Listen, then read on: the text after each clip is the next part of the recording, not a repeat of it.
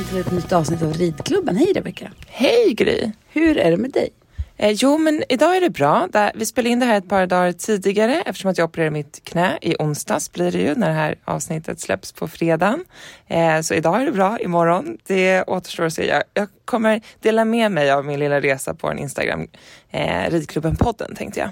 Ah, så vi får hoppas att när det här avsnittet då släpps då har du vaknat upp och allting går bra och allt har gått galant och ni har bara behövt göra det lilla ingreppet. Exakt, så att jag slipper det där stålbenet och jag kan ändå använda benet lite grann från början så att jag kan komma igång med rehabträningen för att jag tror att det för mig kommer vara ganska viktigt att jag kan börja liksom träna och se ett slutmål. Oh, I det här avsnittet så kommer ni få höra ett lång diskussion och samtal med superstjärnan Tinne Wilhelmsson Silvén. Kan vi säga så inledningsvis i alla fall. Ja. Ja, gud, alltså det, hon är ju man, man har ju varit lite starstruck när det kommer till henne väldigt många år för att hon har ju deltagit i bland annat sju OS vilket är en oerhörd prestation. Och jag kommer ihåg när hon och eh, Dante red i, eh, i Friends så var det någon, någon jul eh, så de hade smyckat ut sig med någonting. Och då grät jag. ja, vi har varit på Lövsta, fantastiska gården på Lövsta stuteri och träffat henne. Så ni får höra alldeles strax eh, hur, hur det lät. Två som 14-åriga flickor fnissiga går runt där. ja men alltså vilket fantastiskt ställe. Ska man bo på en gård då vill man, det där är ju drömmen. det där är facit. Exakt, gårdfacit. Eh, men det är alldeles strax alltså. Jag tackar så jättemycket till Jackson Equestrian för att ni är med och supportar podden. Ja. Gå, jag vill rekommendera dig som lyssnar att gå in på Jacksons hemsida och kolla in deras fantastiska utbud. Både på kläder för människor men också kläder för hästar. Jag älskar regntäcket som Nickis ponny har. Ja, för nu har också Bravina unghästen det och det sitter som en smäck. Unghästar kan ju ändå annars ha en tendens att klä av sig och förstöra det som sitter på dem. Men det här sitter så bra och det, för det känns som att det liksom sitter bra runt halsen, att det sitter tight utan att sitta hårt. Också de här höga bogvecken gör att de kan springa och röra sig mm. eh, på ett fritt sätt utan att få skav. Så jag också toppen. Och de sitter kvar täckena trots att våra hästar är skitgrisar som rullar sig all nere de ser. Så är, ja. Och så är de ju tre stycken som går i samma hage på gott och ont. Och det är så tråkigt nu. Nickis ponny har fått en spark på bakbenet ganska högt upp. Mm. Så jag tror inte att det är någon fara för något liksom peppar peppar. För jag tror bara att det är ett sår. Exakt. Men det sitter precis där hon rör benet så mycket så det läker. Det började läka jättefint. Mm. Och så igår så, jag har jobbat dubbelt nu. Jag jobbar med radio på morgnarna och sen så spelar jag in TV på eftermiddagarna. Så att jag liksom, Nicky fick åka till stallet utan mig, så tänkte jag få komma dit sen. Du vet, det var ja. lite så här, pussla lite. Så smsar Nicky bara, nu är det helt öppet igen. Då vet man inte, är det bara skorpan som har ramlat av? Är det därför det är öppet? Eller är det öppet för att det är något dåligt? Liksom. ja. Och så har hon någon bild i någon vinkel som bara så här, fan är det svullet? Är det någon ficka där nu? Eller är det bara som det ser ut? Och så skickar hon någon annan bild så det ser helt annorlunda ut. Ja. Man bara så här, vad, vad gör man då? Åker man in med hästen till en klinik? Eller ringer man någon veterinär? Eller kan man gå på de här online veterinärtjänsterna? Eller vad, vad, vad fan ska jag göra? Oj, det här är skitsvårt. Jag är ingen svår expert. Jag tror man får gå lite på sin egen magkänsla. Ja, jag...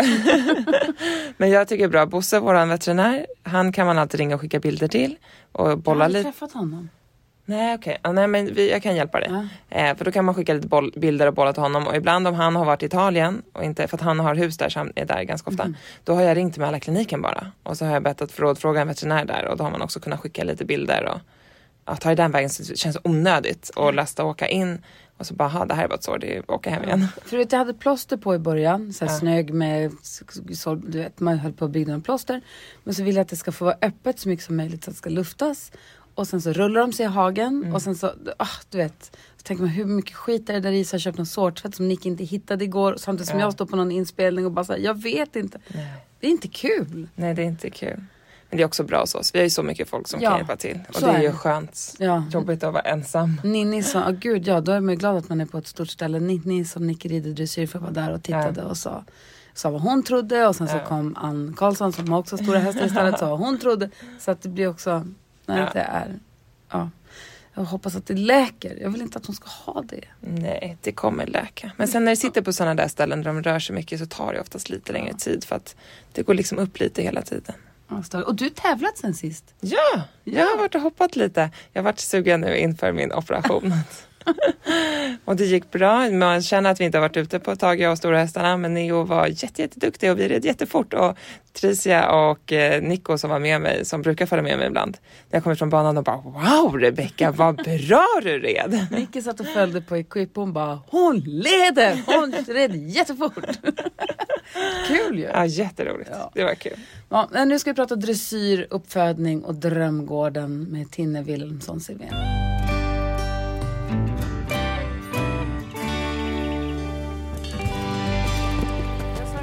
Fikabordet med ingen mindre än Tinne Wilhelmsson. Vilken jäkla... Är Silvén, vilken jäkla dröm. Hej!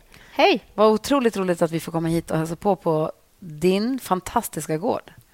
Kul att ni är här. Hur ser din arbetsdag ut? Ja, min arbetsdag eh, kretsar ju kring hästen såklart. Ehm, Det är verkligen mitt liv. Så att vi ehm, rider samtliga hästar här på gården på förmiddagarna. Vi börjar ofta med att eh, sätta oss ner, prata igenom dagen och sen så rider vi fram till lunch. Så där ett kanske. Sen äter vi lunch och sen har jag träningar och lektioner på eftermiddagarna För för elever som kommer hit och rider. Och andra. Så alla hästar som bor här på gården, det är dina eller era som är under utbildning eller försäljning eller hur ser verksamheten ut på gården? Ja, här står bara hästar som, som tillhör Lövsta stuteri. Så det är bara Lövstas hästar här på gården. Och De är både under utbildning och ibland till försäljning. Vi har ju en liten del uppfödning, så vi har en del hästar som kommer från små, så att säga, som får växa upp här. och De säljs när de är lite utbildade.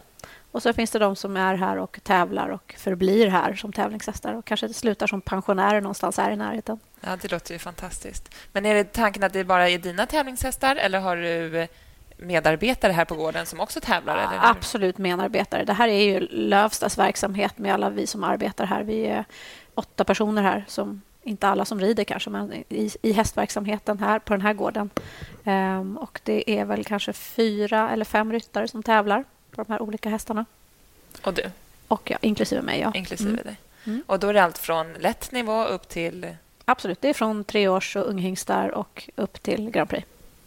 Gud, vilken, det måste också vara en otroligt häftig resa att få vara med från att du får hit kanske en treåring och så ska ni utbilda den och kanske ta den hela vägen upp till... Ja, allra helst om den kanske är född här Ja, eller född på Stjärnborg då, på Granngården och kan dessutom ha föräldrar som vi har tävlat innan. Vi, tä- vi tävlar ju på många av hingstarna som vi har avkommor ifrån så att vi kan verkligen känna de här hästarna från, från tidigt. Det är väldigt kul. roligt. Om man backar tillbaka till bandet, hur, var, varför började Tinne rida?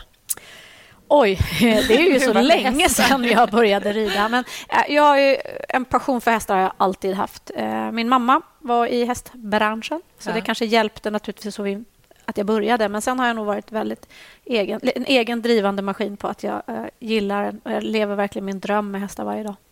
Gud, vad härligt. Och då flyttade du utomlands och jobbade med hästar ett tag? Ja, efter nian så åkte jag till Tyskland. Ja.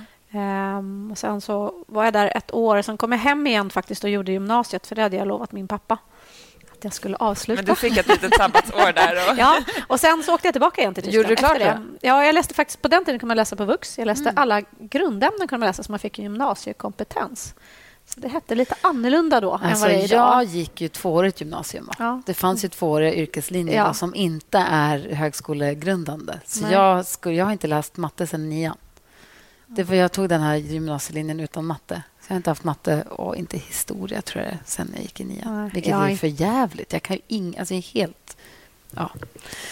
Men det är väl också smart? Eller liksom- Nej. jag tänkte att jag skulle plugga ikapp det där på komvuxen men sen så fick jag jobb på tv då istället så att det blev aldrig Ja, men riktigt det har ju av. löst sig jättebra för dig. Jo, men Ja. jag hade det inte behövt gjort kan jag säga. Det var lite samma för mig. Jag läste ju på Ja. Vux. Jag gjorde de här obligatoriska ämnena. Men så skulle jag ju fortsätta med de andra, men då fastnade jag ju i min hästvärld. Eh, och där har jag väl förblivit sedan dess. När jag kom hem från Tyskland andra gången, då var jag 24 år. Och då startade jag min egen eh, utbildningsverksamhet i, i Södertälje. Och hur kommer det sig att du inte stannade kvar utomlands? Kände du att du alltid skulle komma tillbaka till Sverige? Eller? Ehm, jag ska inte säga att jag kände det medan jag var borta, men den dagen jag kom hem igen så kände jag att jag vill väldigt gärna bo i Sverige. Ja. Eh, Så jag har inte varit på väg att försvinna utomlands egentligen någon gång, utan det är nog mer att skaffa utbildning. Jag trivs Ja. väldigt bra här. Och hur är upplägget här? Om man bara ska förklara. Vi är då på Lövsta där du säger där har ni tävlingshästarna och de här. Mm. Och så finns det en till gård som tillhör verksamheten men som är en egen gård. Det stämmer. Det finns Stjärnborgs gård där seminstationen är och där våra unghästar och föl finns och, och, och eh, fölston. Eh, och där också då eh, ett sto som ska seminera. All avelsverksamhet finns borta på Stjärnborg medan ridhästarna står här. Hingstarna, bor de där borta eller bor de här? Nej, de äldre hingstarna står här. De kör vi faktiskt över tre dagar i veckan. Så att de arbetar och bor här och sen så åker de till Stjärnborg för tappning måndag, onsdag, fredag. Ja. Och vi har väl kommit fram till att de mår jättebra av det för de har inte de tankarna så mycket i huvudet när de är här på gården. Då vet de, kan de sortera, de sorterar det ganska bra. Ja, ja, och slappnar av bra här, är avspända och ja. sköna. Liksom. Så det, det, fungerar jättebra. Gud, vad härligt. Men, och sen så har ni också lite hingstar där borta? Ja, de, inte lite yngre om de inte rids. Ja. De, står, de kan stå hos oss över en säsong för att betäcka. Då står de där borta. Ja, men precis. Mm. Och då när du kom tillbaka till Sverige, hur kommer det sig att du hamnade här på Lövsta? Ja, det, var ju, det, det tog ju några vändor innan jag landade här. Utan jag har flyttat runt Stockholm ett par varv och haft min egen verksamhet. Först i Södertälje och sen eh, ute på Fågelbro tillsammans med Malin Collin som jag har, är på Stjärnborg idag och gör avelsverksamheten. Mm. Och sen därifrån, eh, år 2000, flyttade jag hit eh, och eh, började här på Lövsta. För det här känns ju... Alltså, jag har kommit fram till att det här är det vackraste stället på jorden jag har varit på, tror jag. Men det är så otroligt fint. Ja, det är en fantastiskt fin gård och en sån fin känsla. Ja, det känns så harmoniskt att vara här. Och Det är ordning och reda utan att vara liksom guld och kristaller. Alltså förstår du? Det är liksom ja. inget onödigt. Ja, det är så otroligt lyxigt genuint, och genomtänkt liksom. men ändå inte liksom, ändå genuint så hjärta i ja. hela stället. Otroligt fint. Det är väldigt, väldigt trivsamt också att arbeta på. Vi trivs bra här allihopa, tror jag. ja, det förstår jag. Men då, då var det ett samarbete med Antonia som jag gjorde att du hamnade... Ja, jag blev anställd av Antonia att, ja. att, att driva hästverksamheten. Och hade eh. hon en tävlingsverksamhet då? Eller var, en, min, en mindre verksamhet. Det har vuxit väldigt mycket genom de här åren. Utvecklats och förändrats det har vi ju gjort tillsammans, kan man säga. Eh, men från början det fanns eh, stall med ja, 16 boxar och ridhus fanns. Sen har vi utvecklat det här och kanske förändrat innehållet i stallet en hel del under åren. Och väldigt, väldigt rolig process tillsammans med Antonija att få, få, ha en vision och förändra och påverka och försöka påverka svensk avel till att börja med. Och nu har det blivit internationell, kanske både avel och, dressyr och ridsport. För nu är vi i hoppningen också. Så att vi har ju breddat hela tiden det vi håller på med. Vi började lite blygsamt med att vi skulle påverka svensk dressyr och, sen, och svensk avel. Och sen blev det svensk ridsport och sen blev det internationell ridsport då det och avel. Gud, vad roligt. Ehm, så det är väldigt kul. Och när du tittar på en häst, vad är det du vill se i en häst? Om du kollar på en... Ja, för det finns ju så mycket, men om jag ska ta ut någonting som jag tycker är viktigt så är det eh, dels att den har, vi kan kalla det för gummi, att den är elastisk, att hästen är liksom mjuk och har lite, kan leka med sin kropp. Men det som gör att den kan leka med sin kropp det är att den har en bra balans och en bra självbärighet och kanske en bra exteriör för att kunna vara en dressyrhäst. Mm. Men, men det är gummit som fastnar för mitt öga. Fast jag förstår ju rent eh, eh, eh, teoretiskt att det kommer ifrån hur den, hur den använder sin kropp. Mm. Men balans kan jag ju förstå. Alltså hur hästen mm. har en god balans, att den kan gå rakt fram ett, utan att gå vid väggen till exempel och bära sig själv. Mm. Men självbärighet, vad är? Alltså, hur ser man att en häst har självbärighet? Vad är det? Ja, det är väl då den får det här gummit och studsen i kroppen. Alltså, den kan bära sig på sina bakben, att den har lätt för att vinkla under och ta, ta vikt på sina bakben. Men också att, att väga av sin kropp och balansera sin kropp i, i både olika hastigheter och olika gångarter. Det gör ju att man får den här fantastiskt fina ridkänslan. Det ger ju det vi kallar för den här magiska ridkänslan. Eh, så det, det, är det exteriöra och förmågan att ta vikt på bakben och förmågan att balansera sin kropp på olika sätt som, som ger det, skulle jag säga. Och Det talas ju då så mycket om att hästarna ska ta vikt på bakbenen. Det pratar ju alla mm. tränare och mm. ryttare om. Har du någon så bra övning som hur man ska träna hästen för att hamna lite mer på jag tror att man ska träna hästen för att... Jag skulle säga så här istället. Man tränar hästen för att det ska bli en bra atlet. Mm. En bra atlet, en bra gymnast, den kan leka med sin kropp. Den kan göra allt det här som innefattar och som i teoretiska grunden är att den ska kunna ta vikt på sina bakben. Men den ska också kunna eh, ha kontroll över sin egen kropp och kunna leka med sin kropp. Eh, en häst, när den är ung, när den börjar leka när man rider och man känner att Åh, den hittar någonting nytt, det tycker jag är kul. Det, det inspireras jag av. Och det betyder ju att hästen har en, en bra självkontroll av sig själv. Rider du alla dressyrhästarna? Rider du dem över bommar och små hinder också, eller gör de inte det? Jo, eh, alla från början går framförallt, framförallt mycket ut i skog och mark och ut och ta sig upp och ner här i backar och gå ut i naturen och göra mycket olika saker. Ehm, jag måste säga rent ärligt att vår nivå av mängd av hoppning har gått i vågor genom året. Ibland, vissa år, så är vi extremt eh, ambitiösa och sen så försvinner det ibland lite. Så det kommer kanske och går. Men, men jag, är, jag tycker att det är viktigt och de ska gärna göra mycket varierat jobb som unga hästar. Det, det, det utvecklar ju den här självbalansen och bärigheten som vi pratar om och, och kroppskontrollen hos dem. När hoppade du senast? Exakt vad jag också tänkte fråga. och vad hoppade du då? det måste jag nog säga att det är ett par år sedan nu. Jag måste tyvärr erkänna, men det kanske är en eh, fyra år sedan jag hoppade sist nu. Det var en av hästarna här som... Ja, tjejerna hoppade lite och jag lekte lite på vägen. Mm. Gud vad roligt. Min dotter Agnes, två år, hon har börjat rida lite och tycker det är väldigt roligt. Och Hon är ofta med i stallet och ser när vi mm. andra hoppar. Liksom. Så bara, Mamma, idag vill jag hoppa lite högt.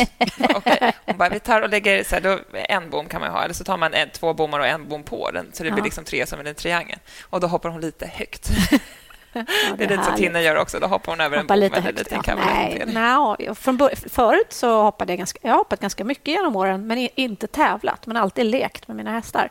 Så jag, jag tycker ju, samma sak som när vi plockar nya, ny personal här, så plockar vi jättegärna tjejer från, och killar från hoppningen. Eh, för jag gillar att de har den bredden i sin ridning och den inställningen till att hästarna ska kunna göra lite av allt. Um, så att vi plockar gärna hoppinfluenser. Vi är nog väldigt liksom öppna för den delen av att, att det egentligen är i slutändan samma sak. Mm. Men att hästarna mår bra av ett allsidigt arbete. Verkligen. Vad ska man kunna som ryttare för att få ett jobb här på Lövsta? för det första så tror jag kanske inte att vi anställer någon vars jobb ska vara att vara ryttare utan vi anställer en i teamet som får börja vara med och så lär man sig väldigt mycket här. Ehm, som sagt, som jag sa, att många som Caroline Dacour till exempel kom till oss och var ren hoppryttare, egentligen inte ridit dressyr alls.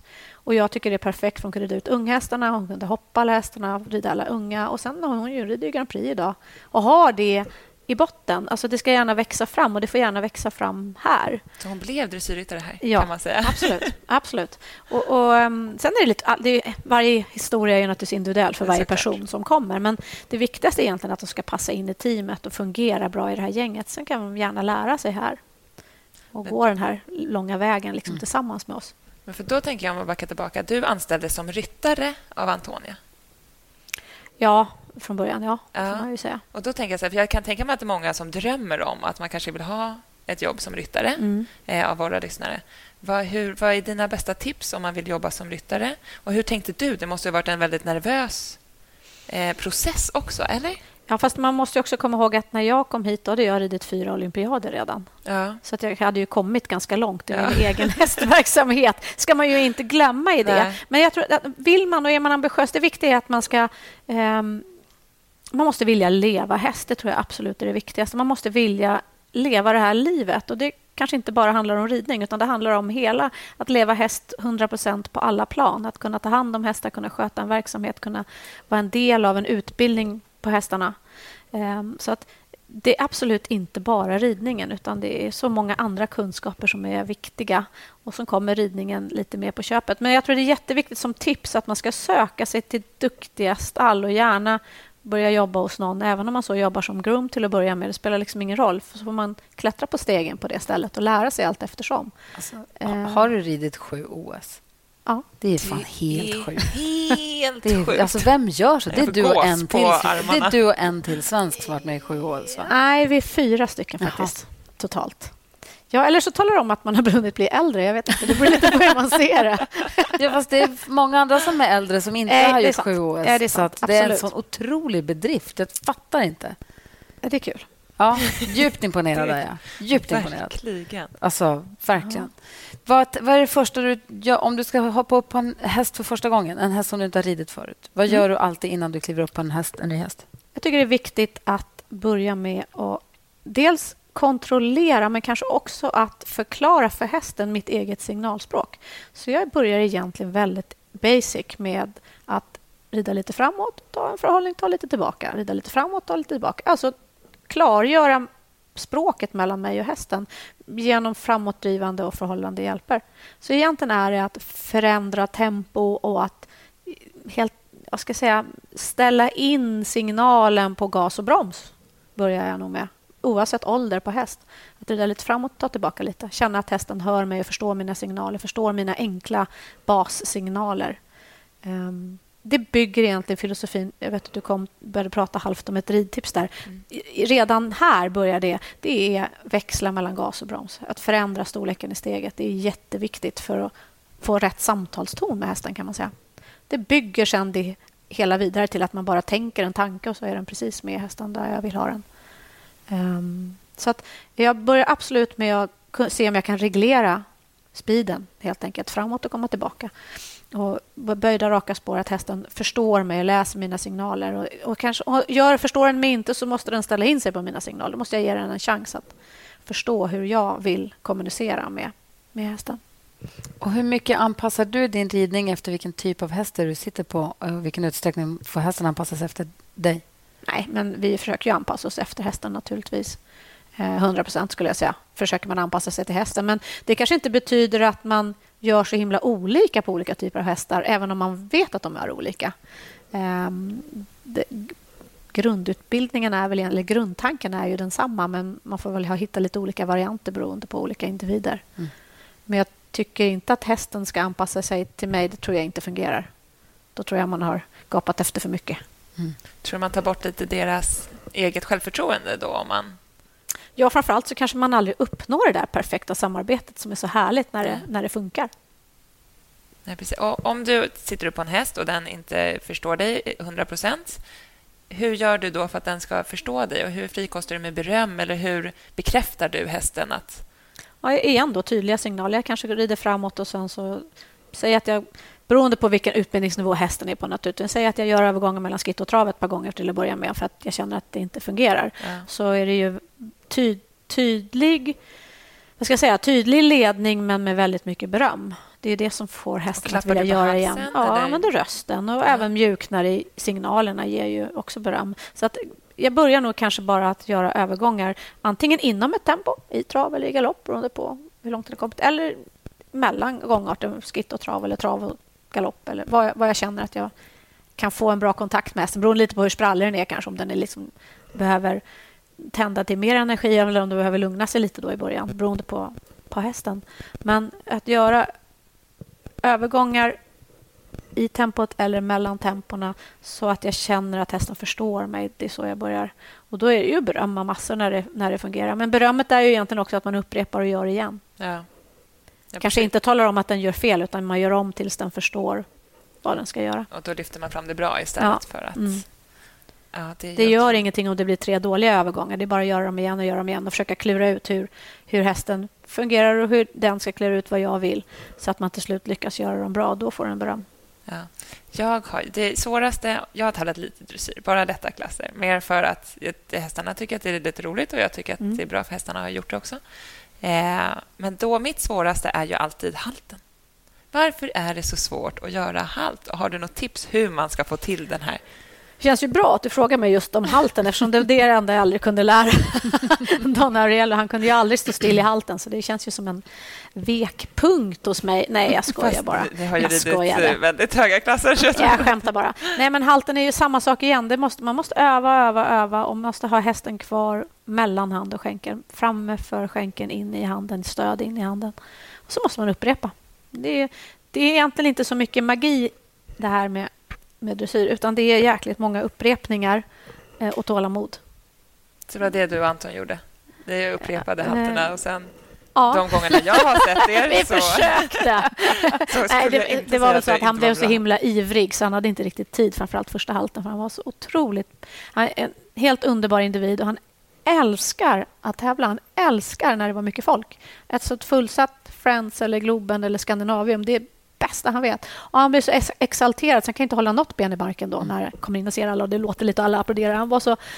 Men det var en fantastisk inställning att tävla på, men det blev lite på bekostnad på min Hur känner du skillnad halt. på om han är glad och sprallig för att det är mycket folk eller om han är stressad och sprallig? Ja, men det känner man skillnad på. Som, som en sån häst som Anton som växer och nästan blev lugn men mm. större, det, det är en fantastisk känsla. En, en orolig häst där får man ju just den känslan att kanske signalerna inte går fram om man inte kan kommunicera med dem om de är oroliga eller otrygga.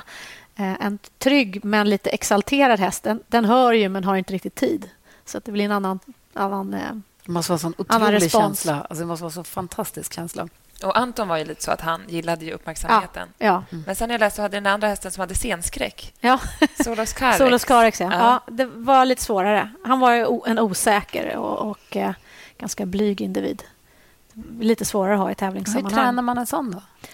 Ja, det är ju samma sak. Jag måste ju vara den trygga naturligtvis och jag måste vara den som ska tala om för honom att det är, okej. Okay. Sen så gäller det också att när man kommer in på en tävlingsplan, det gäller även en, vilken häst som helst och vilken gren som helst, att när hästen blir lite orolig och, och lite spänd så tappar den ju fokus från ryttaren, eller hur? Den ser kanske läktaren eller ser ett hinder eller ser staket eller mm. ser en domare. Ja, vad, vad den nu må, så är, försvinner den. Och då gäller det att ryttaren inte rider starkare men gör sig mer intressant. Så intressant så att uppmärksamheten vänds till ryttaren istället för till omgivningen. Så då gäller det igen då att vara varierande och hitta på många små olika saker så att han måste fokusera, eller hästen måste fokusera på ryttaren. Så det gäller att fånga hästens uppmärksamhet. Och hur gör du det? Eh, genom, återigen då, förändringar, göra sig intressant. Det är många små signaler som gör att här är jag, här är jag, hör du mig nu, här är jag, nu gör vi så här. Länka av hästen lite från omgivningen. Det kan också vara de här berömda övergångarna då i tempo. Ja. Ehm, det är min favoritteknik, så det blir det jag gör. Men det spelar nog inte så stor roll vad ryttaren gör. Det ska vara någonting som man känner att man gör väldigt bra och gör bra med hästen så att hästen blir åh, nu är du här också, vad kul. Ehm, så att de återvänder liksom till, till ryttaren och fokus på ryttaren. Om du ska gå till ett happy place i huvudet och ha en ritt som du tänker så här, din, din go-to-ritt, vilken din bästa? Det kan vara tävling eller hemma på träning, bara den så här, när det kändes jag har haft några såna ritter med Anton som har varit helt fantastiska. Mm. Och Det har väl också varit i de här på hemmaplan med den här fantastiska hemmapubliken som vi har i Sverige. Man känner att taket lyfter liksom på Skandinavien eller Friends eller Globen. Man bara, inomhus hörs det ju så mycket mer, men varför inte också i Falsterbo naturligtvis. Men just den här känslan av att det kokar och så är hästen så med på noterna. Det är, det är svårbeskrivet. Mm. Alltså när man bara känner att om jag nu bara inte klantar mig själv så kommer det här bli jättebra. Nu ska jag bara hänga med och göra rätt. Ja. Det, det, är en fantastisk känsla. Men det är också, man, man, har det på väldigt få hästar, måste jag säga. då. För att det är så svårt, tror jag. Egentligen. Det är då Rebecka sitter på läktaren och gråter. Ja, alltså dressyr är mitt vackraste. Jag, jag, älskar att titta på dressyr. Men också vetskapen, det är så otroligt... Det är ändå svårt med dressyr. Jätte. Mm. Det är jätte, jättesvårt. jättesvårt. För det är också så här, dressyr, om man ska rida dressyrprogram, ett lätt program som gör det, det är ju kanske fyra minuter mm. av perfektion. Alltså man ska ju vara bra varje steg hela tiden. I hoppning så ska du ändå pricka de här åt, nio hindren och helst vara felfri över dem. Sen däremellan, det är inte jätteviktigt. Nej, det blir ju på ett sätt lite synd att det blir varenda steg blir bedömt. För att det blir ju att bara man får en liten oops, hoppa till så har man förstört för sig själv. Ja. Men jag tror att så får man nog inte tänka. utan då, Som ryttare tror jag man funderar mer på varje olika rörelser som man ska, som man ska utföra när man rider dressyrprogrammet. Ja. Uh, och det är väl till stor del, jag försöker hitta ett ord, men det, jag tror att det till stor del är väldigt mycket fokus också hos ryttaren. Att man är på, närvarande och på plats och inte sitter och grämer sig om man missar nåt. Man sitter och funderar på det tre rörelser efteråt. Det kan man inte när man hoppar heller. Men, Nej, men viktigt att man är i nuet och hela tiden är liksom på på nästa grej. Jag läste att du jobbade också för flera år sedan, jag vet inte om du gör det längre, med Kjell Enhager. Mm. Med mental träning och med, han är ju fantastisk att lyssna på. Mm. Um, så vad gör, jobbar du med honom fortfarande? Ja, det gör jag. Vad lär du dig av honom? Finns det någonting du kan dela med dig av? Ja, jag tror egentligen att han har en sån fantastisk förmåga att se sakerna ur en annan synvinkel och liksom avdramatisera det här som man tycker är extremt svårt och oövervinnligt om man inte vet hur man ska... Så kan han liksom vända bak och fram på den väldigt enkelt och säga att man tänker inte så här istället. Så, Nej, varför gör jag inte det? Vad enkelt det blev nu. Väldigt många... Annars är det, ju, det är mycket baskunskaper hur man ska visualisera det man rider och man ska vara fokuserad på det man ska göra. Men han kan även liksom jinxa till de här små sakerna som känns oövervinnliga, tycker jag. För han är väl egentligen inte hästmänniska? Han är väl bara... Alltså, bara. Ja, nej, det, det, har ju bara blivit att ja. han har hjälpt många ryttare och att han har kommit... Ja. Eh, vi har pratat med honom någon gång på radion. Ju. Ja. Och det, Ja. bara det var inspirerande. Och då Ja. pratar vi inte alls om hästar. Fantastisk personlighet. Ja, det är bara så här, vad är det han säger? Vad är det han, för det verkar som att han har hjälpt så många ryttare nu till att komma Absolut. ett steg längre. Men jag- jag tror just att det, han är väldigt okomplicerad faktiskt Mm. och basic, men också extremt smart och extremt att, att liksom hitta um, klarsynta ingångar hur man ska tänka så att man inte ska gå vilse i den här lite mentala djungeln när man gör sakerna svårare än vad de är. För man är ju sin egen största fiende egentligen. Alltså vi gick, jag var på tävling, ponnytävling i helgen med min dotter. Hon är 12 en ser ponny. Och så gick vi banan. Hon ska hoppa lätt B och så hade vi gått banan. Och sen så hann vi inte gå en ett varv till. Vi var tvungna att gå för att ja, det var så få B-ponnys. Skitsamma. Så står vi där bara innan vi går härifrån. Jag bara blunda nu Nicky och så tänker du att du hoppar banan från hinder 1 till hinder 9. Och så tänker du att det går perfekt. Och så ställde hon sig och blundade. Och så såg jag hur hon red banan. Och så tittade hon upp och sa, jag är klar. Jag sa, gick det bra då? Det kom det perfekt? Ja, jag råkade ta två galoppsprång i, i, i kombinationen bara, men annars gick det toppen. Se vilken talang! Hon har det redan. Varför tar hon ett steg för mycket i kombinationen? Vem gör så? Gjorde hon det sen hon redan? Nej! Nej, det var ju bra det. Alltså konstig grej att Ja. fantisera in. Ja. Eller? Ja, men lite. Eller så Ja, men kanske var lite orolig för att göra det. Ja, exakt. Då hamnade det så. exakt. Men det är, för, för vissa personer är det svårt att göra den där visualiseringen. Och den är jätteviktig, tror jag. Den är extremt bra att de kan göra redan. Ja. Det hjälper en mycket. Då är man mer beredd. Men visualiserar du dig igenom hela ditt program innan du ska tävla det? Mm, absolut. Och hur, vi, vart gör du det då? Är det dagen innan eller är det samma dag? Eller? Jag kan göra det dagen innan, men jag gör det nog framför allt liksom strax innan jag sitter upp en sista gång. Men jag kan hålla på. Det kan liksom vara en sån här process som pågår lite, att jag rider mitt program många gånger innan sista Står timmarna innan jag... på banan då? Nej, det behöver jag inte göra. Det kan jag göra. Om jag är på någon sån där, framförallt om man kanske är på ett mästerskap när man bara rider på den här banan den enda gången. Annars så känner vi ofta igen våra tävlingsplatser. Liksom. Då kan jag gärna sätta mig just vid den banan och titta att om jag kommer nu i byten av varje, då rider jag mot den där reklamskylten. Då står det Coca-Cola där nere. Så, så att jag liksom hit, det låter larvigt, men jag hittar på den banan. När jag vänder mig ditåt, då rider jag mot den där bilen där borta. Då ser det ut så. så att, för annars när man väl rider så kan man säga, men gud, är rätt. Var det domaren? Var det så? Att man kan förlora sig ju i att man blir fokuserad på något annat. Och Då gäller det att ha liksom tänkt igenom alla de här olika... Så att man känner sig hemma inne på Ja, banan. man ska ha gjort det redan en gång i tanken. Och det, när jag kommer upp och ser det där, då, då är, rider jag antingen ökad trav eller så har jag mina byten i vartannat där, eller ja, vad det nu är. Ehm, det tror jag är jätteviktigt. Så gjorde jag väldigt mycket förut. Ehm, sen kanske jag inte alltid gör det, utan då kan jag bara sitta så här tyst och jag kan sitta på läktaren när jag tittar på de andra rider, men när jag rider ändå självminrigt. Gud, och så vad blundar jag en stund. men det blir ju en vana. Då är det inte Ja, svårt. Jag, kan nog, jag behöver inte ens blunda, men jag kan sitta och titta bort i periferin där någonstans och så, så tänker jag nu rider jag där så kommer jag där. Men du gör inte det ur liksom, point of view? Du ser inte hur... Ser, du, mig ser- ja. du dig själv rida där borta som en Nej. tredje person? Eller du sitter, jag ser du ut i, dina jag rider. ögon? Ja, Ja, exakt. Ja. För det är så jag tänker mig att man måste göra... Men det jag För länge, tusen är- år sedan när jag tävlade, då, det var då, alltså, när var det här? Då? Det var i slutet på 80-talet. Då kom det med mental träning. Ja. Vi- Det var så nytt och det var så Mm. flummigt, men vi provade. Och det var just det att man skulle bara blunda och hoppa banan. Och det skulle, allting Men Kjell säger ju så här att man ska dels kunna se utifrån, alltså se sig själv rida. Okej, och sen ska det man kunna kliva in. Men jag kan inte det. Jag kan bara vara inifrån och se. Men han säger det är, det är olika sätt att se det på. Det är, man kan göra bägge delar. Kan du se dig själv hoppa från sidan? Ja. Kan du stå på läktaren och se dig själv hoppa? Ja, men det kan jag ändå... Ja. Mer det än att jag Än att du är där själv och ja, hoppar över hindret. Exakt. Ja, det, det är nog bara olika personligheter. Jag ser nog mig själv att jag, jag ser mig mitt i ekipaget, Mm. hur vi gör. Liksom. Det, Jag Jag ser nog rytta ö- ögonperspektiv. ja. Mm. Men på tal om det här, vi har ju faktiskt en lyssnarfråga från Linda som undrar har du några bra tips hur man ska lära sig dressyrprogram om man tycker det är lite svårt? Ja, det, det absolut tror jag att man ska springa det. Först ska man springa det på marken, sätta ut eh, lite koner eller När gjorde du det senast? Ja, numera gör jag inte det, men förut gjorde jag faktiskt det. Då sprang jag programmet. Mm. Men det har jag inte gjort nu på länge. Men det kanske är någonting man... Men vi kan göra det här nere. Vi kan diskutera det med någon som ska rida. Ska man springa programmet en gång, gå det. När vi, ibland när man rider kyror och sånt, då kan vi gå programmen. Och när man rider eh, pas de deux, Alltså när man rider, pas de deux är det när man rider en kadrill med två eller fyra. Eller, Mm. Pas de deux just är ju två. Då. Ja. Pas de deux. Men då springer man det... Ja, då är det tre. Precis. Då springer vi det på marken utan hästar. För då vet man ju inte så att man liksom... Då måste man göra det på gång. Du kommer där, så ska jag emellan där. Så ska jag, så man, att man övar in det utan häst. Ja.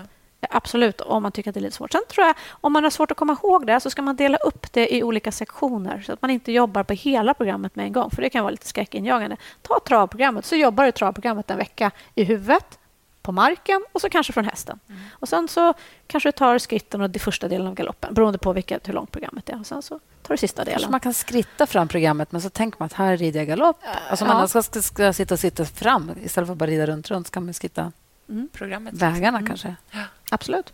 Ja, det är faktiskt jättebra tips. Ja. Hur tränar du själv dig när du inte, förutom att rida? Jag tränar för PT tre dagar i veckan. Eh, gör väldigt mycket allmänt. Kondition, styrka, smidighet, stretching. Yoga? Olika saker. Lite yoga, men inte just nu. Det har gått lite också genom åren eh, lite olika omgångar. tycker det är jättehärligt att yoga. Men just nu har jag hamnat i det här PT-läget. Eh, men det gör jag gärna. Mm. Egentligen så tror jag inte det spelar så stor roll vad man gör. Det viktiga är att man gör nåt som man rör på sig och man får den här liksidiga träningen. Ridningen blir ju lite oliksidig annars. Och sen att man har kommer till en bra grundkondition också så att man liksom mm. får lite bättre orkar kan fokusera tillräckligt helt enkelt. Har du någon bästa liksidig övning? Alltså hur, om man fick göra en övning som man blir lite mer liksidig? Oj, vad det är nu? Nu blev jag petig också. Hjälp, den var svår. Du har ingen så här, borsta tänderna med vänster, det har varit bra för mig, typ, eller? Um, är du högerhänt? Jag är vänsterhänt väldigt gravt vänsterhänt faktiskt. Nej, det Märks det på din svårare. ridning? ja, rider... det gör det. 100 procent. Ja. Och då, rider du annorlunda mot för dina... Ja, jag får hästarna svårare i andra varvet än vad andra häst, ryttare får. Så det är ju absolut ryttaren som gör hästen sned, inte tvärtom. Ja, och det brukar vi skratta åt, så vi kan byta hästar med varandra. Då kan jag rätta det. Genialiskt. Och tvärtom. Alltså, jag måste ja. också hitta någon som är vänsterhänt ja, tror jag, som kan hjälpa mig med... Det är faktiskt fascinerande att det gör som skillnad. Det gör det.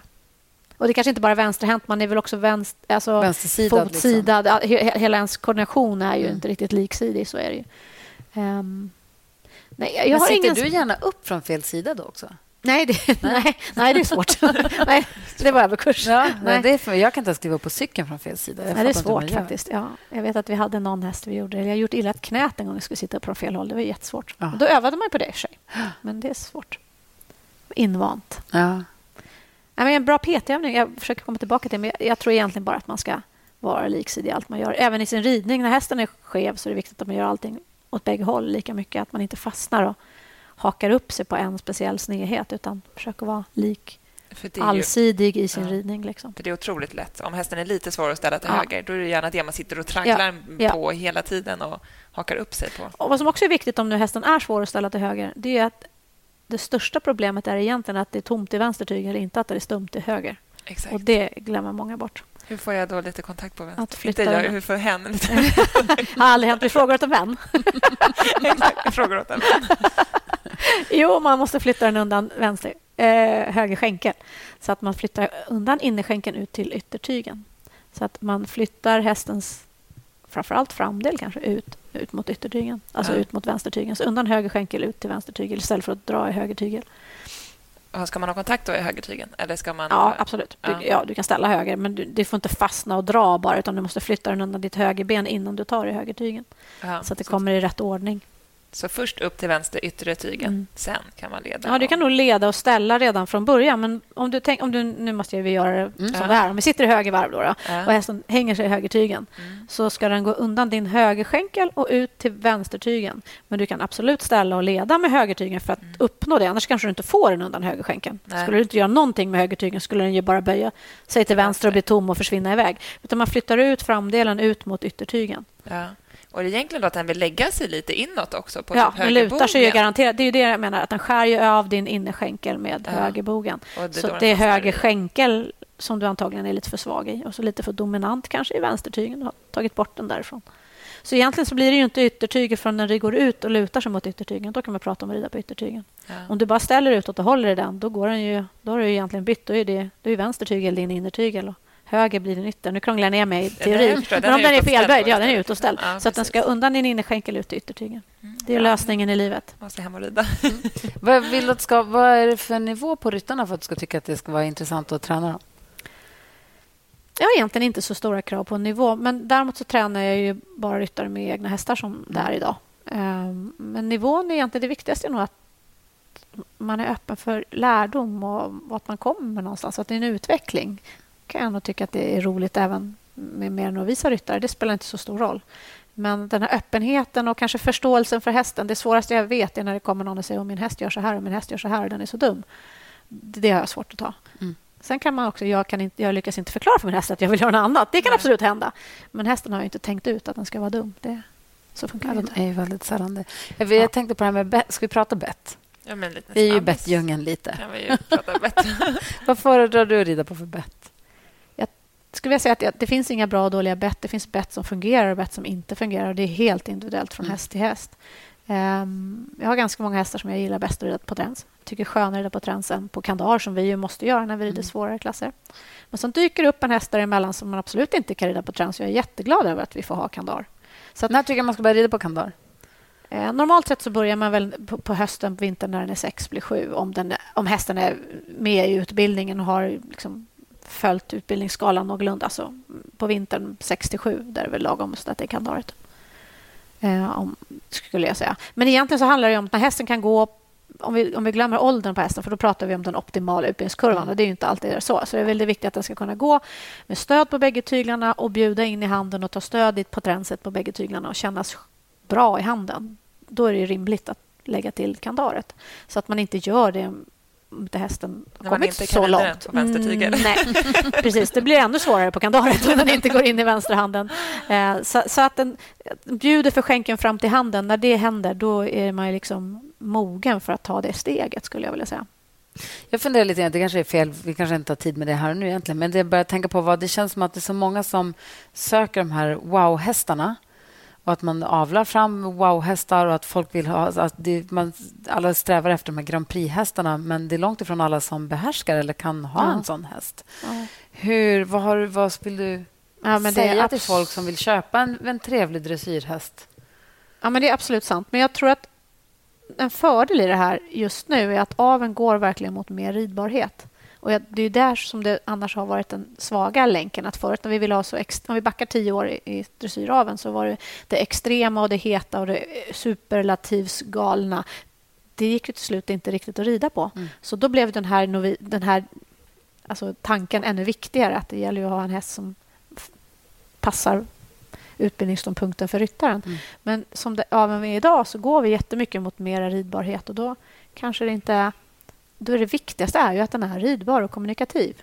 För om man säger en ryttare som kanske inte har kommit så långt så är ju ridbarheten och att hästen har en, en, en fin inställning till arbetet. Det måste vara det viktigaste. Då har man ju roligt med sin häst. Jag tänker på vi har en kompis i stallet som vill köpa dressyrhäst som ska vara ja, men fin och gå vadå, lätt av, medelsvår, mm. svår kanske. Men du vet, på mm. den... En, en häst. Mm. det behöver inte vara... Ja, men du vet, den behöver inte vara... Den behöver inte liksom ha frambenen vid öronen. Det är inte jag säger rid, ridbarhet ja. och, kontakt. Att den, att den tar stöd på bettet och suger i handen. Och ja. Det är det som är svårt. När, det, när den connection inte funkar, då, blir det liksom, då kommer man inte riktigt vidare. Mm. Det är då det blir så jättesvårt. Det är viktigare än fantastiska gångarter. Mm.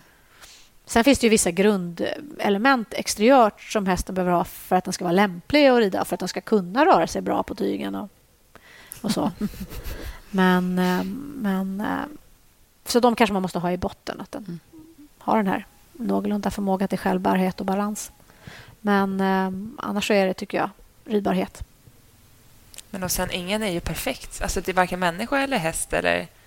Ibland känns det också som att folk kanske letar efter den här perfekta hästen. Mm. Och jag tror att den, ibland så finns den om man kommer över en häst som man känner att det är wow. Liksom. Men sen tror jag att det blir också lite vad man gör det till. Ja, det är inte så vanligt kanske heller. Nej. Men jag tror att det är viktigt att man söker häst som, som passar... Alla, alla ryttare passar ju på olika hästar. Man gillar Temperamentsmässigt gillar man olika hästar. Storleksmässigt passar man på olika hästar. Sitt sätt, ridsätt passar på olika hästar. Att man har lite realistisk inställning till vilken typ av häst som faktiskt passar mig. Eh, om man är en stark ryttare eller om man är väldigt lugn så att man kan rida heta hästar eller om man är väldigt energisk så att man kanske kan rida dem lite... Inte ska ha en nervös häst. Alltså, temperamentet på hästen kontra ryttaren ska stämma. Och sen ska fysiken kontra ryttaren stämma. Och sen kanske vad man tycker är kul och vad man, är kund, vad man har för kunskaper. Så att man liksom... Man får kanske göra en sån där checklista och ha en liten reality check. Vad är, vad är det för häst som jag egentligen har kul med. Ja, där är också svårt. För oftast, eller om jag har varit och provat hästar, varje häst man sitter upp på så är man så här, gud vilken fin häst, den här, den här är mm. härlig. Du vet. Alltså, jag skulle kunna köpa alla hästar. Som hundvalpar då, eller? alltså, usch, jag skulle aldrig börja med hundvalpar. Då har jag en hel kennel hemma. Ja. Men det är också lite, kan vara jobbigt att gå och rannsaka sig själv på det sättet. Ja, eller kul. Du måste ju väl se de positiva sidorna. Nu, nu letade du de negativa ja, sidorna. Du, du, du, kände något tungt där. det är jobbigt. Ja, det är kanske är jobbigt i och för sig. Nej, men just den här checklistan av att, eh, hur är jag som person? Sätter jag jättemycket tryck i mina hästar för att jag är så himla energisk, men då kanske jag kan ha en lite mer flegmatisk häst eller en väldigt lugn häst. Det, det, funkar bra för mig. Men om jag är tvärtom otroligt lugn och, och sitter och pysslar och fixar och duttar, då kanske jag kan ha en riktigt het, lite för het häst, för det passar min personlighet. Alltså, vad tycker jag är kul? Tycker jag är kul att tända dem eller tycker jag är kul att lugna dem? Det är ju två olika typer Vad är du för personlighet? Jag är, en, gillar nog, jag är nog väldigt lugn. Jag har mycket tålamod. Jag kan, rida, jag kan rida en väldigt het häst. Jag tycker att det är ganska kul. Ja. Eh, men sen har det förändrats kanske lite med åren också, hur, hur man... Nej, jag tror att det är rätt lugnt. Det är någon traktor som åker traktor. utanför. Det är mysigt. Ja. ja, det är bra. Det är hästgård. Det är på en levande gård. Eh, så, så, jag gillar ju när jag får pyssla. Det är därför jag tror att jag gillar dressyr också. Jag har långt tålamod. Jag kan sitta och fibbla och fixa och fnula med någonting för mig själv. tycker jag är roligt. Knep och knåp. Det låter som en problemlösare. Ja, liksom. ja. Är det någonting som inte är som du har tänkt dig så... Mm, då kan jag fundera på det. Ja, precis. Ja. Mm. Vilket är ditt favoritgångartsbyte? Gångartsbyte? Mm, från skritt till galopp, från trav till passage eller från... Oj, oj, oj, oj, oj, oj, oj. Ja, jag skulle vilja säga att det är... Kanske från skritt till galopp. Galopp är en otroligt skön känsla. Ja. När den blir väldigt bra är den fin. Men när man känner att man får in det här trycket i galoppen ja. direkt mm. i fattningen. För man känner ju så tydligt på galopp, tycker jag i alla mm. fall, om den blir mm. lite platt och tråkig. Om den börjar med, Exakt. börjar med framdelen. Nej! Exakt. Tråkigt. Göra om. ja, absolut. Det är, ja. det är en powerkänsla som är fin. Ja, vi frågade också Christian von Krusenstjerna när han var med. Vilken är hans bästa del i ridhuset? Han tycker ju ur hörnet mot långsidan. Det är hans bästa del i ridhuset. Har du någon sån favoritdel i Ja, jag är ju jag, jag lutar mig direkt mot hörnen när du säger så, för jag tycker om... Hörnen är ju väldigt praktiska så att säga, och användbara. Vi kan utnyttja dem till så himla mycket. Men jag måste inte just ta, jag kan ta det andra hörnet då, från långsidan in i, i kortsidan. Fast det, det hörnet är mycket svårare. Man kommer från en rak, en rak sträcka. Eh, men, men hörn, jag tycker om dem tycker om vad ska jag säga, eh, utmaningen som man ställs inför i ett hörn gör ju att man får väldigt bra kontroll på sin häst. Hur, är, hur, hur rider du din perfekta hörnpassering? Ja, den ska ju vara ställd och böjd precis lika mycket som spåret är som man rider på. Men så är det den här magiska undan innerskänken ut mot yttertygen. Det får ju sin plats verkligen i hörnet. Så att hästen bjuder framför innerskänken ut mot yttertygen. Då kommer man bra ut ur hörnen. Jag behöver göra bättre hörnpasseringar. Och att den inte hästen lutar sig på innerbogen liksom, i hörnet. Men inte heller ramlar ut i, i väggen och stryker hörnet alla längst bort utan ska ju fånga den på yttersidan. Ja. Jag får en bra reality check då om jag har den undan innerskänken ut mot yttertygen. För man kommer ju rakt på spåret. Bam, bam, bam. Hur tid, när börjar man liksom ställa och liksom forma dem runt inre ja, Jag skulle tänka, eh, på, beroende på nivån, utbildningsnivån naturligtvis på hästen, men ganska så tidigt så att det blir en mjuk övergång av att bara är lite ställd, gå lite undan innerskänken, kanske till och med ta ett steg och öppna innan det går in i hörnet beroende på hur vuxen den är. Eller om det är, jag vet att den kommer att trycka sin bog och trycka sig igenom hörnet, kan rida lite öppna. Eller om de är lite tittiga i det hörnet till exempel. Om man har någon stolar och grejer som de ser. Så ställa ifrån och lite öppna in till hörnet.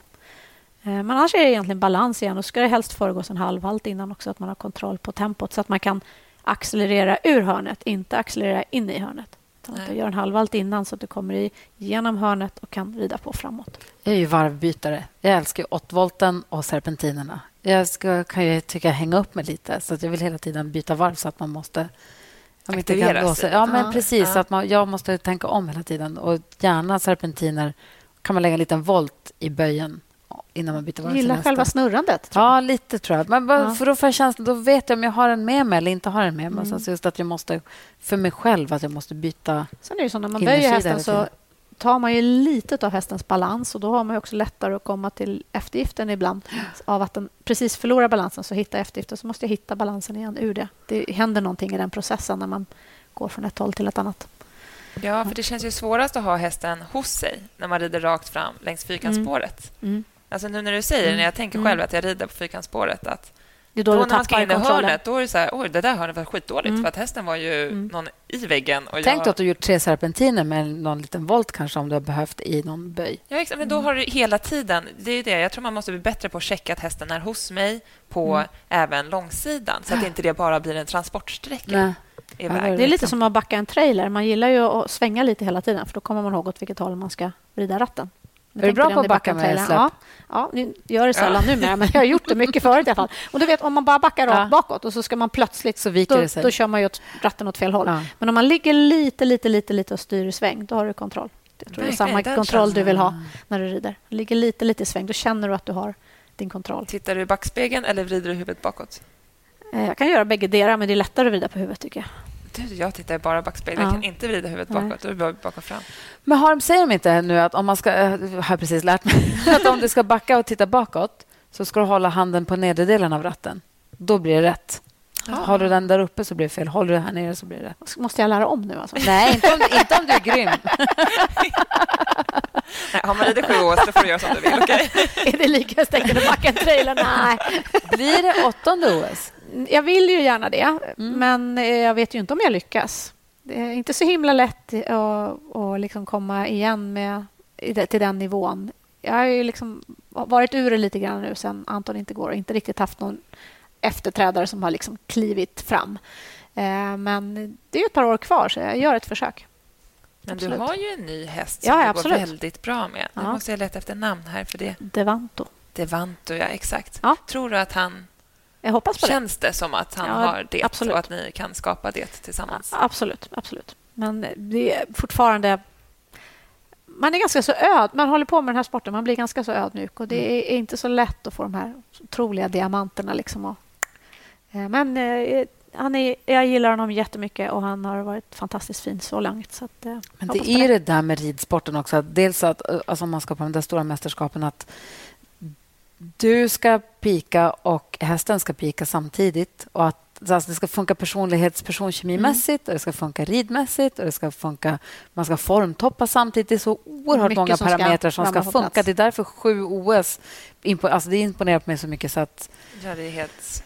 det finns inte. Och jag tänker också på Malin Bajard till exempel som vi återkommer till och pratar om och med gärna. Alltså att så, så länge som hon har ridit Ja. det är inte bara hennes insats som är fantastisk, eller din i det här fallet, Mm. utan det är tajmingen och att man tar fram, hittar häst efter häst Kommer efter igen, häst ja. och att man Ja. kommer igen. Det är så fantastiskt och folk som inte rider fattar inte. Nej. Det är ju faktiskt inte klokt.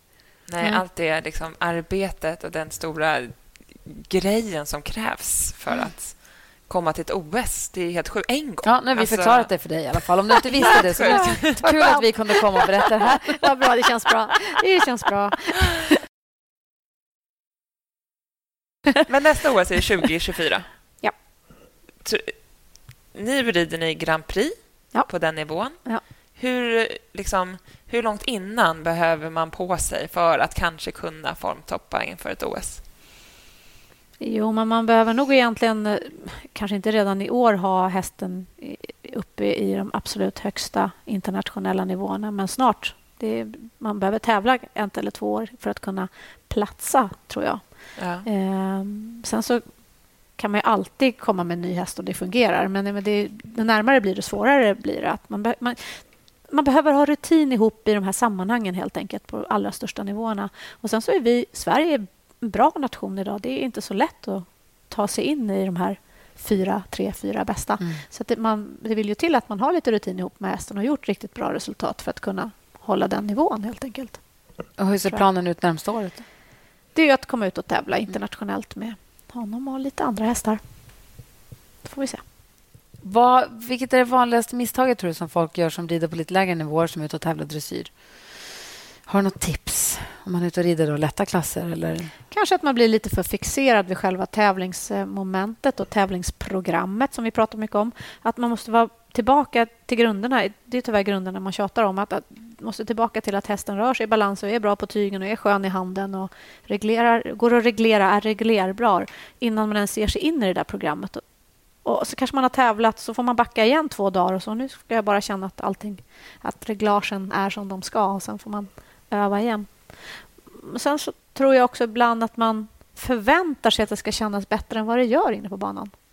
Att man har, liksom för, höga, man har för höga expectations liksom, om att det ska kännas som man det perfekta. Ska kännas som det, det ska vara det perfekta åket med en gång. Och det är inte så ofta det känns som det perfekta åket. Utan det är ett arbete i, i liksom under utveckling hela tiden, tror jag, att tävla. Att man får liksom, måste gilla den där processen av att oh, men gud, jag fick till det där och det där. Nu är bara det här och det här kvar. Så att man inte tappar modet för att inte allting funkar perfekt. Liksom. Vi har en stallkompis, Jenny, kom hem från tävling. Hon hade varit tävlat med Claudio.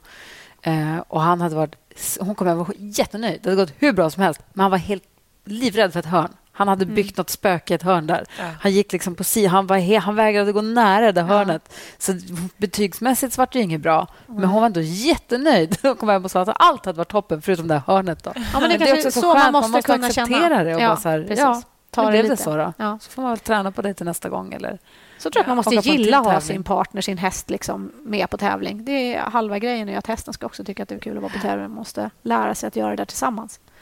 Det är jätteviktigt. Det tror jag också. Jag uppskattar ju så otroligt mycket våra äldre hästar, att de är så härliga att ha mm. med sig och ha i transporten och promenera med och sova mm. borta med. Och, mm. Men så mysiga att ha hela tiden. För Det kan ju också vara jobbigt för en själv om en nervig häst som ja. far runt och mår dåligt av att vara där. Och Det ligger ju rätt mycket arbete bakom att de blir så där bra på tävling. Det är ju ingenting som bara är. Nej. Utan det är ju ett antal kanske Exakt. tävlingar och år innan som man gör det här tillsammans. Precis, och då kanske också därmed kompletterar varandra. Att det är ja. bra. Jag kanske kan ha en lite nervig häst då, om jag är lugn mm. själv. Mm. Men är det en häst som är väldigt osäker på tävlingsplats då behöver den en, en ryttare eller en ledare som är otroligt mm, cool och kan lära den att ja. det här gör vi ofta och det är kul. Precis. vi har en lyssnarfråga. Hur tänker hon när hon tar tyglarna? När man tar tyglarna så... Oj, det är en väldigt allmän fråga, känner jag. Men det viktiga är väl att man etablerar kontakt med hästen. Att man lite smyger sig på den lugnt och stilla, mjukt, gärna kanske lite på ett böjt spår när mm. man tar första kontakten, om man, framförallt om man inte känner hästen. Så att den blir trygg. Och egentligen är ju ingen kontakt är ingen signal för hästen och kontakt är en signal som hästen tycker om. Så att just att ta sig från ingen kontakt in i kontakten är ett viktigt moment. Så att gärna kanske lite böjt spår, lite ledande hand så att hästen känner att Åh, där, där var du, nu vet jag vad som är. Och sen när man väl har etablerat kontakten och hästen bjuder för skänken in i handen, då har man ju hästen man har tagit tygen. För det kommer ihåg, du var, nämnde det förut, men ett av våra tidigaste avsnitt när vi pratade med Christian Krusenstierna som också rider dressyr, att när han är på tävlingar och så frågade vi vad tittar du på på de andra när de rider fram?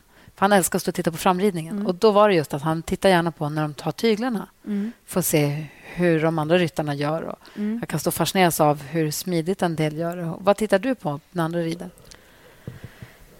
Ja, gärna när de tar tyglarna är en bra punkt. Men jag tycker kanske värmningen. Jag gillar när de börjar värma upp och se hur hästen liksom mm, och ryttaren, samspelet mellan hästen och ryttaren i början, i uppvärmningsfasen kanske, innan de kommer igång. Det tycker jag är kul att titta på. Liksom fundera på hur de samarbetar. Vem gillar du att titta på? Oh, det finns massor av ryttare. Jag tycker att det är kul att titta på andra ryttare överlag. Jag är också, Lussan och jag som är ute tillsammans, vi sitter ofta och tittar kanske hellre på framridningen än vad vi tittar på banan. Det är kul att titta när alla hästar när de preparerar eller när de rider dem på morgnarna. Hur de gör, de löser problem och liksom försöka stoppa in eh, nya verktyg i verktygslådan av erfarenheter hela tiden. Att man kan lösa ett problem på så många olika sätt. Och det är så viktigt att ha... Och liksom, ja, men så där kanske man kan göra på någon häst någonstans. Eller så kommer man fram och ser att de gör nåt som man säger att så där skulle jag inte vilja göra. kan man också konstatera. Men det sitter vi ofta och tittar på. Nördar lite.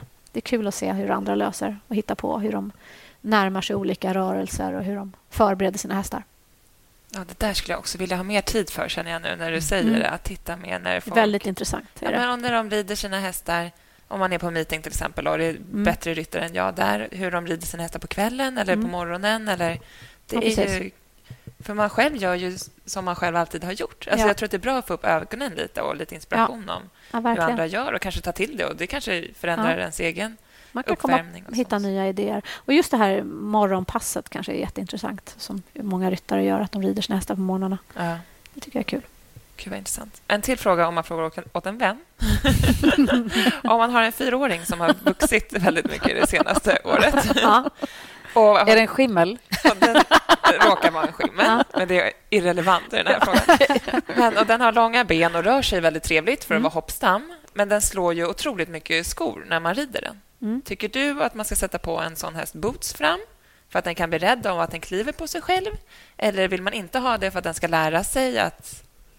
Alltså, ja, jag vet inte om bootsen hindrar att den... Ja, om den kliver på sig själv uppe på kar, eller kronranden, då ska du ha boots på den. Ja. Om den kliver uppe på, eller inte på ballen. Liksom. Men inte att den slår bakoven på framskon egentligen. Nej. Där skulle jag kanske tänka... Dels fundera på skoningen. Ja. Att man har inte för långa skoarmar fram och att man kan ha inte tåkappar utan sidokappar. Lägger tillbaka skon lite bak. Att man talar med hovslagarna om att de slår i sko. Men sen är det ju, egentligen är det ju balans i ridningen naturligtvis. Och att man kanske inte på en fyraåring, för det är lite tid, men när den är lite äldre så kan du tänka att den går en aning sidvärts. För då kliver den inte på sig själv. Smart. Det vill den ju göra när vi rider ut och ja. går i nedförsbackar. Ja. Då vill den ju gå sidvärts hela vägen ner. Puttar den lite, lite, lite sidvärts, för då får den ju plats att kliva utan att kliva på sig själv. Ja. Och Då pratar jag inte att den ska ramla åt Nej. sidan, utan det är en liten... Ja. Och hur mycket ska man rida på en häst som växer? Då? Om det är en fyraåring som växer ganska mycket. Jag tycker det sunda förnuftet ska tala om. Alltså är den pigg och vill arbeta, då kan du rida på. Och ja. När den blir trött och den, kroppen ramlar i 15 delar och den inte kan sortera sig, då måste den få paus. Ja. Så fingertoppskänsla tycker jag är viktigare än att rama in tider och säga veckor. Men visst måste den få återhämta sig och den växer ju framför allt bra när den vilar. Ja. Så att man ska väl kanske ge den ordentliga viloperioder inemellan. Men sen också känna av. Vi gör så mycket med unghästarna. Vi låser oss inte till hur mycket de ska gå utan vi rider på medan de är öppna och är mottagliga. Och dörren, dörren är öppen, brukar man säga. att De, ja. de lär sig. Ja. Då är det bara, då bara köra på, även om det är kanske lite mer än vad man hade tänkt sig. Och Sen kommer den där dagen och säger nej, nu funkar ingenting. Nu är alla ben åt fel håll och den vill inte. Ja, men rid ut i skogen eller låt den vila ett slag. Och så börjar man om igen. Så att man följer hästarnas cykler lite mer än, än, sin egen. Så att man inte förmänskligar och säger att det ska vara så här. Nu har jag jobbat i två veckor, så nu ska du vila. Nej, man har ju hört fyraåringar ska man rida fyra dagar i veckan, mm, 40 minuter. Typ. alltså, ja, man måste nog göra väldigt olika. För ja. Det finns många fyraåringar som passar bäst att man bara rider varannan dag på. Ja. Och så finns det de som det passar bäst att man rider fyra dagar och vilar tre dagar. Då mår de bättre mm. i rad, för då hinner de sortera om de har lite mycket energi. Ja, det, kanske inte fyra, nu överdrev jag, men, men, men generellt. Liksom. Så att jag, jag känner nog att man får inte vända sig för mycket till regler utan man måste läsa av hästen. Det är det viktiga. Ja.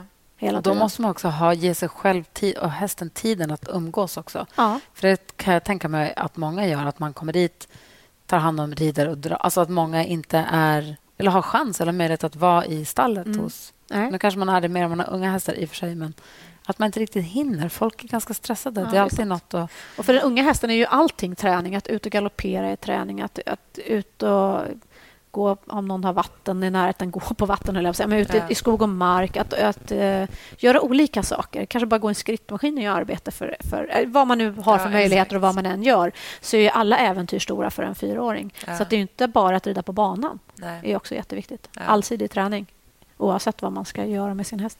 Så brukar jag tänka att jag, med vår fyraåring, då är jag ute och går med henne istället. Så mm. promenerar vi i skogen och upp och ner och mm. hit och dit. Precis så blir det ju ny, då tränar ni också en ja, kommunikation exakt. även fast exakt. du kanske inte sliter på kroppen på henne. Just Nej, men precis. Sen är det också viktigt på fyraåringar tycker jag om de börjar ligga mycket i boxen. Då växer Aha. de ofta. Om de ligger ner på dagarna och inte brukar ligga ner till exempel. Det kan man titta på. Apropå, när jag tänkte på det när du sa mm. att ge sig tid. Att, att iaktta dem hur de beter sig i hagen och hur de beter sig mm.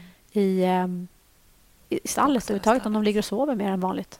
Om man har sjuåring som ligger och sover hela tiden, då är ja, men sen finns det viss, nej, men Vissa hästar sover ju alltid. Då är det ja. normaltillstånd. Vi ja. har några hingstar. De ligger alltid. Ni rider inte vi, tar vi inte ut dem direkt så ligger de och sover. Då ligger de där. Ja. Vårat sto som är sju. Hon Exakt. sover alltid klockan sex. Ja, det är det ja. jag menar. Klockan, hon, hon, klockan sex, ja, men det är hennes mat och sovklocka. Ja, då, då sover hon. Ja. Men när hon går ifrån den rutinen, det är då det är något mm. konstigt. Om hon skulle börja sova på helt fel tider, då ska du vara vaksam. Så det är inte det. Man måste känna sina, rutin, sina hästar, hur de har för rutiner, helt enkelt. För det är väldigt individuellt. Ja, men precis. Det är lustigt. Jag tänker nu på vår ponny. jag har aldrig sett henne ligga i boxen i stallet. Mm. Jag har aldrig sett henne rulla sig. Jag ser ju när jag kommer att hon har ju sovit, mm. hon har, men jag ser det aldrig. Och så var vi nu på tävlingar i Sundbyholm i helgen.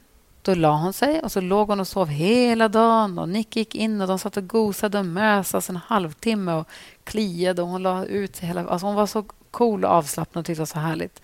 Hon låg ju i hagen nu hos Sylve också. Ja. Men då är vi på andra platser. Ja, det är lustigt. Hon kanske är en dagsovare, att hon sover på dagen också när ni är i skolan. Och så där. Ja, så kanske det. Ja. kan det ju vara. Då är hon ju i hagen. Då hinner hon ju inte sova. Jo, hon kan väl ligga och sova i... Hon rullar sig ju varje dag. Hon Ja, det gör hon dag, absolut. så Gud, ja. Hon rullar Det sig. kan hända att hon ligger i. En av våra hästar som åker med till Florida, när det blir så varmt som i Florida, ligger han i hagen och, och betar. Och sen när det blir så varmt här i Sverige, vilket ju nästan inte blir... När det liksom är 30 grader varmt, Ja. Då ligger han i hagen. Då tror alla att det är något fel, men de lägger sig i hagen i värmen mitt i solen och tycker det är jättemysigt. Han som jag älskar Ja, att vara i solen. Så det, det är ganska roligt så att de har ju väldigt många egna såna där idéer för sig. Men i Florida, åker du dit nu också? Ja, vi har inte kommit iväg än i år, men jag Nej. hoppas på det. Det är inte så lätt i år. Och vi vet inte hur det går med alla inresetillstånd och så. Nej, just det. Eh, Det beror lite på vad som händer. Men vi var ju där förra året också. Då Mm. gick det bra. Eh, Så att det, jag jag hoppas på det.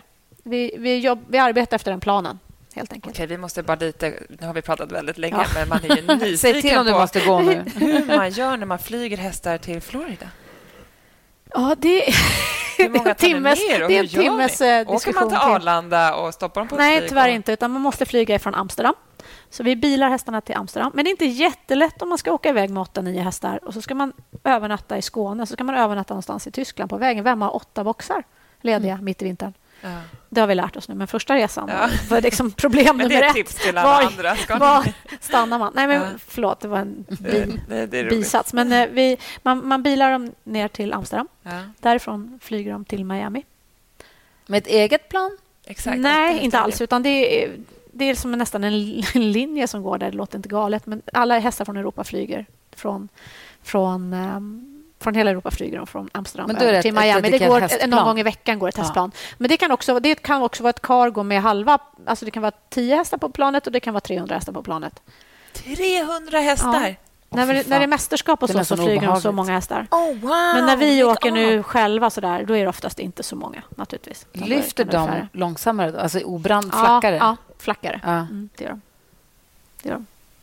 Och kan de flyga, kan de undvika turbulens på något annat sätt än vad passagerarplan kan? Nej. Nej, det tror jag inte. Och ni Men åker det- aldrig- de människorna, ni åker aldrig med då Jo på då, de planen? Jo, men, inte, Ja. men inte, det är inte så många. Kanske en får följa med, eller högst, Ja. kanske två högst. En per hästsällskap? Eh, ja, precis. Eh, men någon, vi har alltid någon med. Och en veterinär? Nej, inte de Nej. när vi flyger så. Men när vi åker på mästerskap så är en veterinär med. Mm. Då brukar det vara en groom och en veterinär eller en ryttare och en veterinär som flyger. Alltså, jag måste säga 300 hästar i ett och samma plan. Det är något kusligt med den tanken. Det känns så... Det är ett väldigt stort plan också. Men då står de i någon form av så här cargo-boxar så att de står typ Ja. två och två eller någonting. Ja, bara. de står i bara- containrar. Containrar åker två eller tre, men Ja. vi har i princip alltid bara två. Man har en och en halv plats, så att säga. Ja. Så det ser, ut som en, det ser egentligen ut som en stor hästtrailer, kan man säga. Fast Mm. den går på kullager istället för på hjul. Mm. Så, och, så man lastar på dem på dem och sen så kör de de här boxarna iväg och sen sätter de... Egentligen alltså, som turbulens och sånt, start och landning det tycker de är lite otäckt. Men annars upp i luften, det är inte värre än om det är på motorvägen Nej. och det dundrar förbi fyra långtradare och ett tåg. Gotlandsfärjan och vi Ja, åker. alltså, det är ju lugnare i luften egentligen när de väl är i luften. Även om det skulle bumpa till en gång. Det gör det ju på motorvägen också. Och är det superhärligt att vara där i Florida? Men gud, vi hoppar här. Ja, jag hänger med. Eh, ja, det är det. Det är fantastiskt. Ja. Det är ett fantastiskt sätt. Och det är naturligtvis optimalt sätt att få spendera sin vintermånaderna på. Är man för gammal att vara groom om man är 48 år? Nej då. Det går bra. Jag kan vara vatten, jag kan vara waterboy, jag kan Ja. vara vad som helst. Jag kan komma med ett parasoll. Ja, det är fantastiskt att kunna bara träna i, den, i det klimatet Ja. liksom, på vintern. Du jobbade i Florida, men det var inte där. Det var inte Florida, det är i Los Angeles. Aha, jag trodde... Va? va? Okej. Ja, det är på andra sidan kontinenten. Ja, jag var inte säker på att det var på östkusten. Nej. Ja.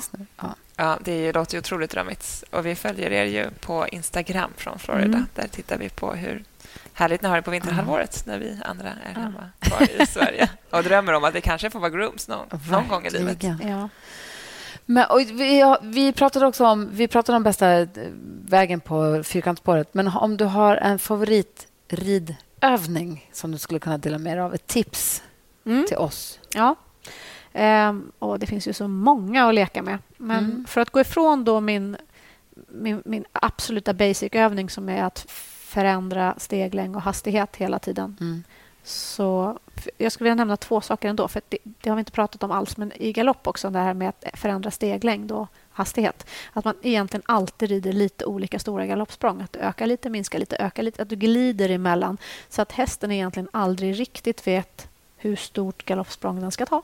Så bara ligga och liksom gunga ja, bara, på igen och samma ja, tam, det nej, är du inte intresserad nej, av? utan det ska nej. hela tiden ligga, minska lite, lite, glida lite fram lite. Det här är som att backa med en trailer återigen, att du mm. hela tiden ligger lite på reglaget, att du gasar lite, minskar lite. Det gör att du uppnår en väldigt bra galoppkvalitet.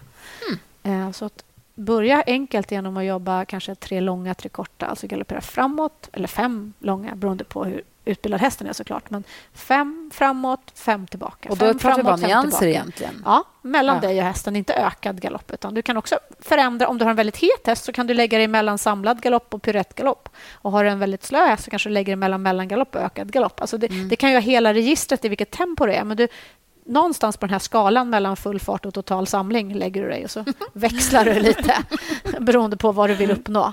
Men du behöver absolut inte på en jättesprallig häst börja rida fortare, fortare, fortare utan det kan du ligga på arbetsgalopp, samlad galopp, arbetsgalopp, samlad galopp eller ja, vad du vill uppnå. Men om det hela tiden varierar och när, du, när hästen är lydig på det så kan du ändå ligga så här utan att du har alltid lite olika stora språng. Då är hästen alltid framme för benet och går alltid att reglera. Brukar du göra så? Eh, nej, inte så mycket som jag ska börja göra nu. och det är också I början när man gör säg fem korta, fem långa, då ska man egentligen byta... Så fort hästen svarar framåt så ska man börja ta tillbaka. Och när den tar tillbaka och känns, börjar kännas bra, då ska man växla framåt lite fortare än vad man själv vill. Lite ja. fortare än vad hästen förväntar sig. Så du ska variera. När den precis säger åh, nu har jag förstått, nu kommer jag tillbaka, då vänder du på det och går framåt. Så att du liksom gör hästen beredd på de här Mjukt och fint och som en kompis. Ja. Inget ja. Något... Nej, nej, väldigt mjukt. Ja. det här Helt... känns ju som ett bra sätt att träna mig själv som en aktiv ryttare. Ja, jag precis. är också lite slow ryttare. Mm. Jag rider heta hästar bättre än mm. lite slow men det där är ett bra sätt för mig att bli mer aktiv och lite Och du kan också påverka hästens rytm då i galoppen, hur snabbt den har fotföljden. Så att om du gör det här på en häst som är lite långsam och lite tunggalopperad ja. så får du en lite kvickare i galoppsprånget som gör att den blir mer reglerbar även om den ska hoppa. Den får inte ta för stora språng. Nej. Då går det ju inte att, att reglera. Och, så att genom att öka och minska så blir den lite, steget lite kvickare och då kan du snabba på det där inre bakbenet så att den har en lite kvickare rytm. Genialiskt! Alltså, gud, jag är så sugen på att åka hem och rida. Där landar jag. Men då är jag ju på min gasen och bromsen-träning igen. Men det är så himla viktigt. Jag tycker det, det ger så många liksom, ringar på vattnet, de här övningarna. Så de kan man ju liksom använda och ta med sig in i allt annat man gör sen. Så jag tror att det, det blev mitt råd ändå. Gud, vad bra. Och har du något stalltips? Att man ska ha kul med sin häst. Man ja. måste älska det man gör. Det var jäkligt vanligt, men det är otroligt viktigt. Mm. Det är nog ingen som har sagt det innan, som vi har pratat med. Ja, man måste liksom älska häst. Man måste våga vara så nördig faktiskt, att man säger att man älskar att hålla på med hästar. Mm. Um, det tror jag är jätte, jätteviktigt. Och det går ju igen på alla, man kan titta på alla nivåer. Så titta på alla de här jättestora elitryttarna. De är ju alla helt barnsligt kära i sina hästar. Mm.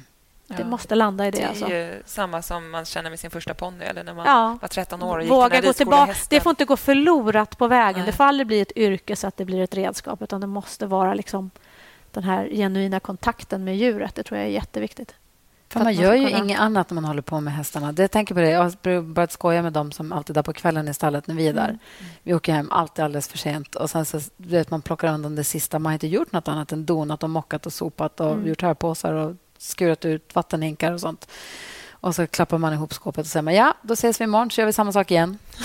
Ja, men ställer, man, sig, så. ställer man den tanken på sin spets och funderar på vad är det som gör att alla människor efter jobbet åker till stallet och lägger ja. alla dessa timmar. Det är ju någonting i botten här som man faktiskt nästan glömmer bort ja. i sin vardag. Man bara gör det. Mm. Men det är ju någonstans att man älskar de här underbara djuren.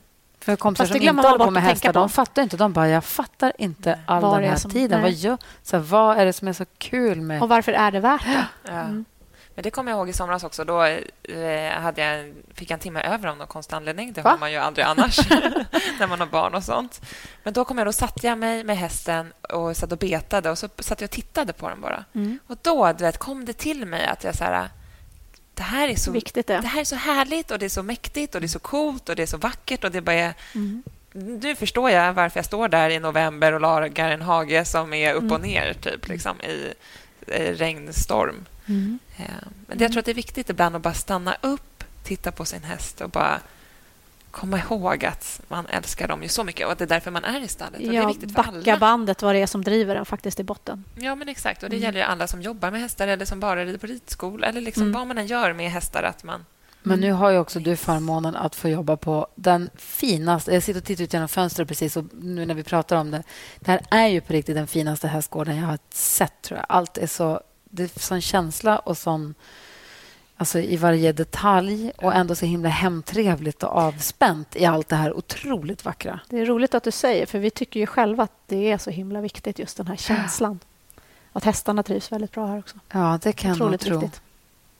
Ja, det är fantastiskt fint. Det är kul att få se stället. Det är ju verkligen fantastiskt. Och kul att få prata med dig också. Vi ska låta dig gå. Du måste ha tusen miljoner saker att Du göra. ska till din PT. Japp, om Japp. eh, sju minuter. Åh, nej! Perfekt. Tack snälla för att vi fick komma och hälsa på. Vi kanske kommer hälsa på igen, in, ut, även om du... Eller ja, vi kanske kommer tillbaka. Ni är välkomna. Tack snälla. Tack så mycket. Jag bjöd in oss.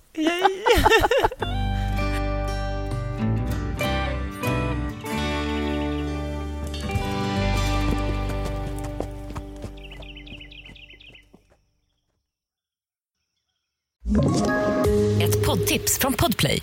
I podden Något Kaiko garanterar östgötarna Brutti och jag, Davva, dig en stor dos skratt.